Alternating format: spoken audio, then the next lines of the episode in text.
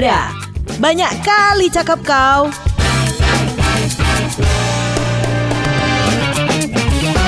Hai warganet dan juga warga bumi. Nah buat yang sudah familiar sama Parbada ini Berarti Anda orang Batak. Saya Don Brady Purba Yang akan jadi biang Parbada. Nah buat Anda yang nggak tahu Parbada itu sebenarnya apa? Parbada itu adalah bahasa Batak Yang artinya seseorang yang omongannya itu selalu ingin dipentingkan dan ingin menguasai pembicaraan Mulai dari sekarang Parbada sampai episode 1500-nya nanti Itu akan mempertemukan dua orang yang berbeda pendapat dan ya silakan Parbada. Nah, untuk episode perdana kali ini Parbada akan menghadirkan dua orang teman saya yang punya selera berbeda dalam hal menikmati kopi. Jadi kira-kira seperti apa perdebatan kali ini? Ini dia Parbada episode Kopi Sachet versus Kopi Snob. Di Parbada satu ada Sony. Hai Son. Hey, hai. Oke. Uh, Tim kopi. Tim kopi saset. Tim kopi saset ya. Uh, Ada merek aja? tertentu nggak sih? Enggak sih. Enggak ya. Tergantung selera aja. Tergantung lagi selera. pengen apa Oke. gitu. Cuaca lagi gimana, enaknya Yang apa. penting saset. Yang penting saset. Yang kedua ada Danang yang kopi snob. Halo.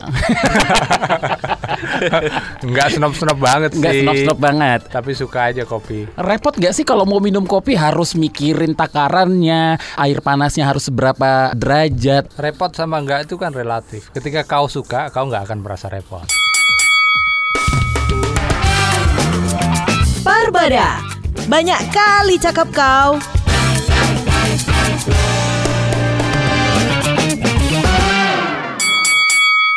Nah, ini soal rasa, terus juga harga dan juga prestis. Parbada Ah, satu ah. ada Sony nih. Son, kenapa memilih minum kopi saset? Ya udah pasti jawabannya kayak teman-teman yang pernah minum kopi saset mungkin ya.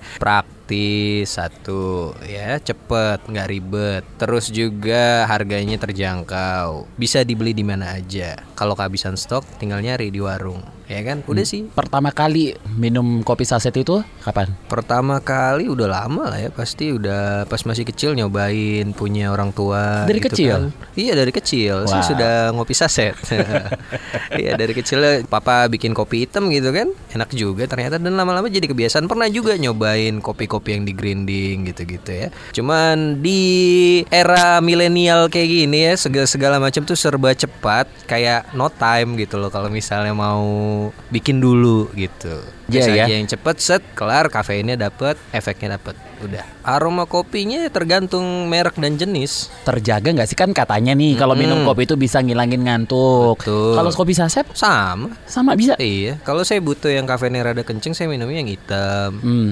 Ya kan ada macam-macam tuh. Yang ada yang mix mixan itu itu juga kafeinnya lumayan tinggi itu berpengaruh sih. Lebih murah.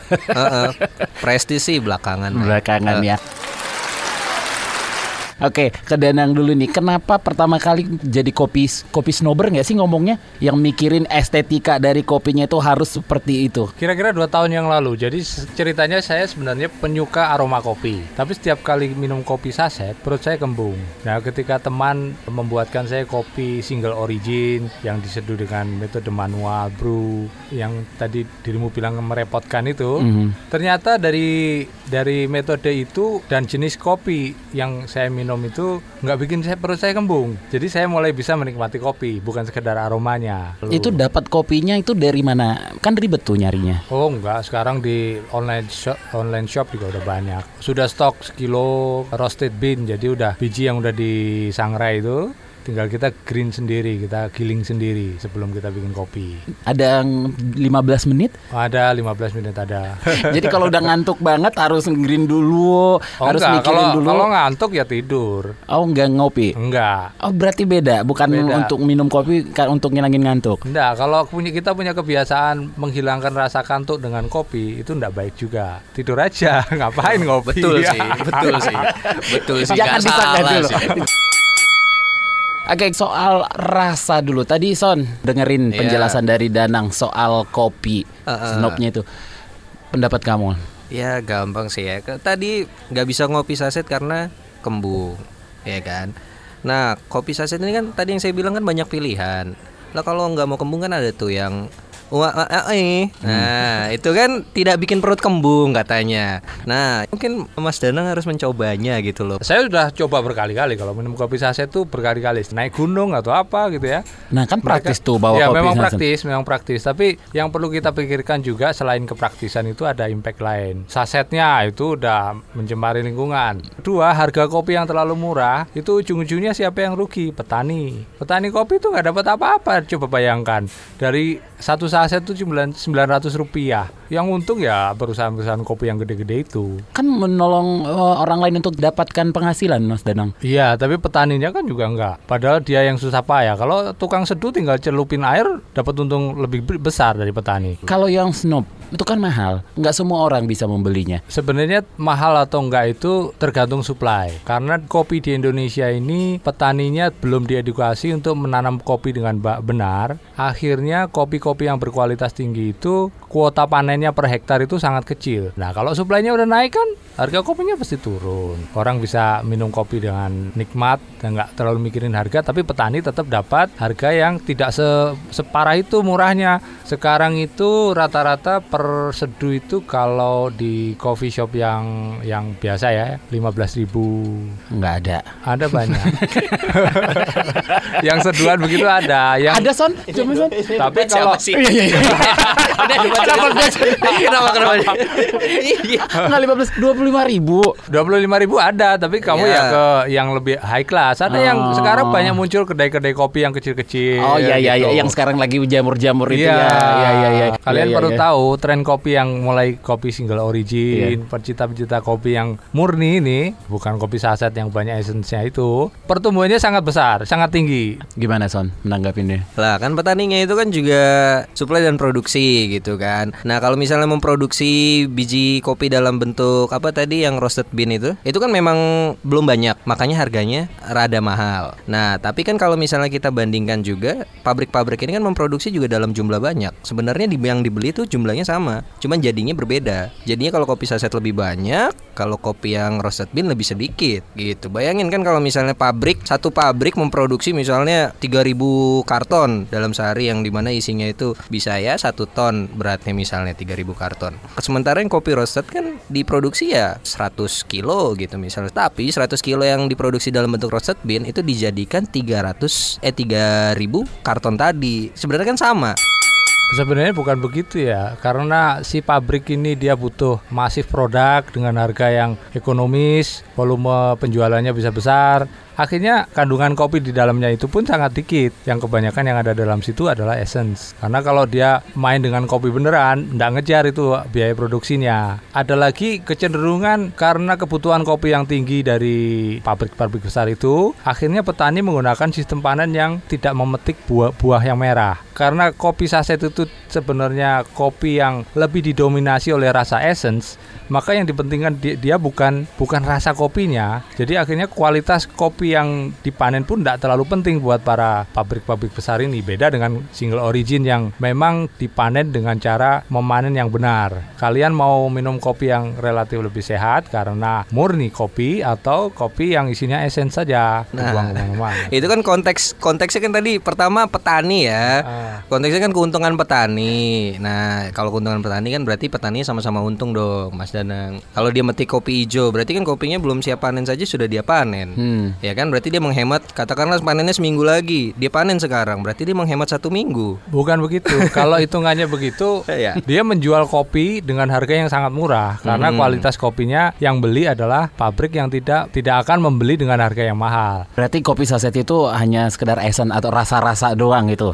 Ya ada kopinya tapi kandungannya kecil banget. Berarti selama ini tertipu dong son. Saya sih tidak merasa Rasa-rasa tertipu ya, karena kan saya pengen menikmati rasanya dan saya menikmati. Kalau saya yakin sih kalau misalnya ada kan salah satu mereknya yang mengusung kapal tuh, dia kan memproduksi kopi hitam. Hmm. Ya kan? Tidak mungkin yang hitam itu itu bukan biji kopi gitu loh. Ya kan? Pasti kan itu biji kopi yang digerus, bukan kopi yang ditambahkan essence. Memang memang memang hitam. Ya sebenarnya bubuk hitam itu bukan sekedar dari kopi, dia bisa di apa disiasatin dengan jagung. Ingat gak waktu di kampung dulu ada yang kopi dicampur jagung, begitu ditumbuk ya kayak kopi. Jadi Berarti jangan udah jagung dong selama ya, hidup.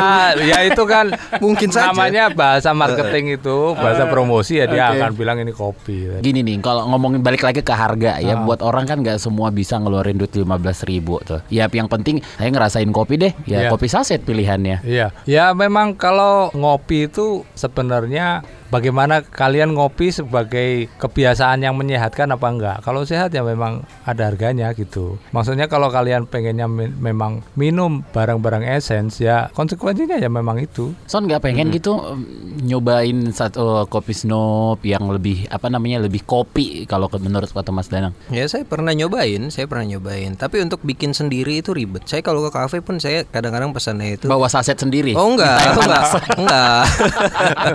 itu ngirit sekali ya. ya, Kalau misalnya saya habis gajian gitu kan, ya mau nongkrong-nongkrong gitu kan. Saya nyobain, nyobain kopi-kopi yang dijajakan dengan biji-biji pilihan itu loh. Ya saya menikmatinya, cuman tadi kan konteksnya yang saya bilang di sini adalah praktis di mana daily life yang saya tidak punya waktu untuk ngabisin 15 menit untuk sekedar membuat kopi gitu loh. Karena saya masak mie instan saya cuma 3 menit gitu. Ya kan kenapa saya harus 15 menit untuk minum? Yang ada misalnya saya habis makan, saya mau minum kopi kelamaan, tenggorokan saya keburu kering ya kan. Eh, eh, Eh Mas Danang kapan terakhir minum kopi saset? Waduh, sebenarnya belum lama, kira-kira setahun yang lalu. Aduh, berasa kayak minum ampas. Wah. Wah. Bener-bener udah beda banget. minum Waduh. ampas nih selama ini Son. Iya, mungkin saya kalau saya kebalikannya, saya kebanyakan minum kopi saset, minum kopi beneran jadi kayak ampas. Rada aneh karena kalau kopi kopi yang itu yang eh, mode-mode manual brew itu biasanya dia clean karena dia disaring. Nah, kalau kopi saset biasanya kan dia diaduk barengan sama bubuknya kan. ya. Hmm. Oh.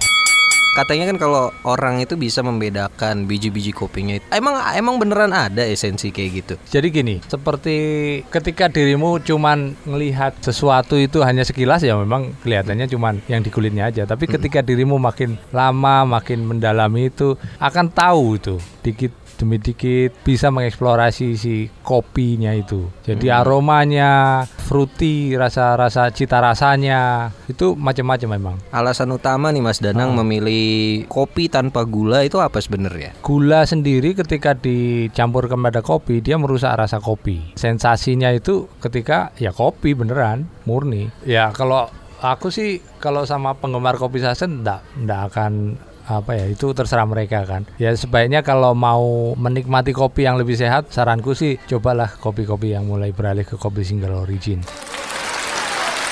Terakhir nih ada yang bilang kalau nggak ngopi itu nggak gaul.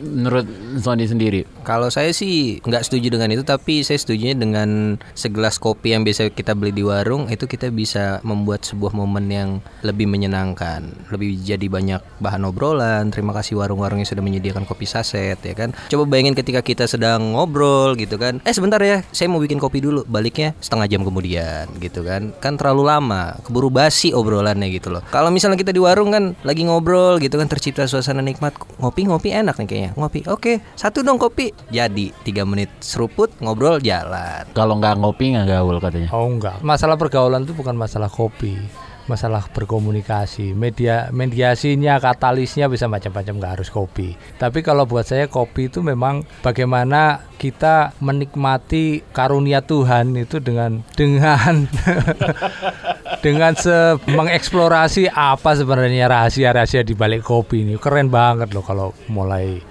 dieksplorasi itu. Berarti saya akan mencoba mengeksplor kopi saset dulu ya. Emang dieksplor mau ke mana lagi kopi saset ya hanya sebatas Oh, satu bungkus kan plastik itu banyak sih? Hmm. kan banyak rasa kopi saset itu nah makanya saya akan mengeksplor kopi saset lain sebetulnya saya menemukan kopi saset yang rasanya seperti single origin tadi Oh iya, ada beberapa uh, pabrikan kopi besar, kopi saset itu mulai bergerak ke single origin.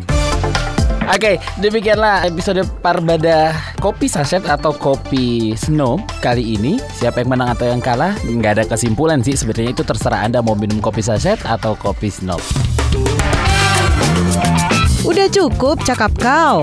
Sampai jumpa di Parbada selanjutnya.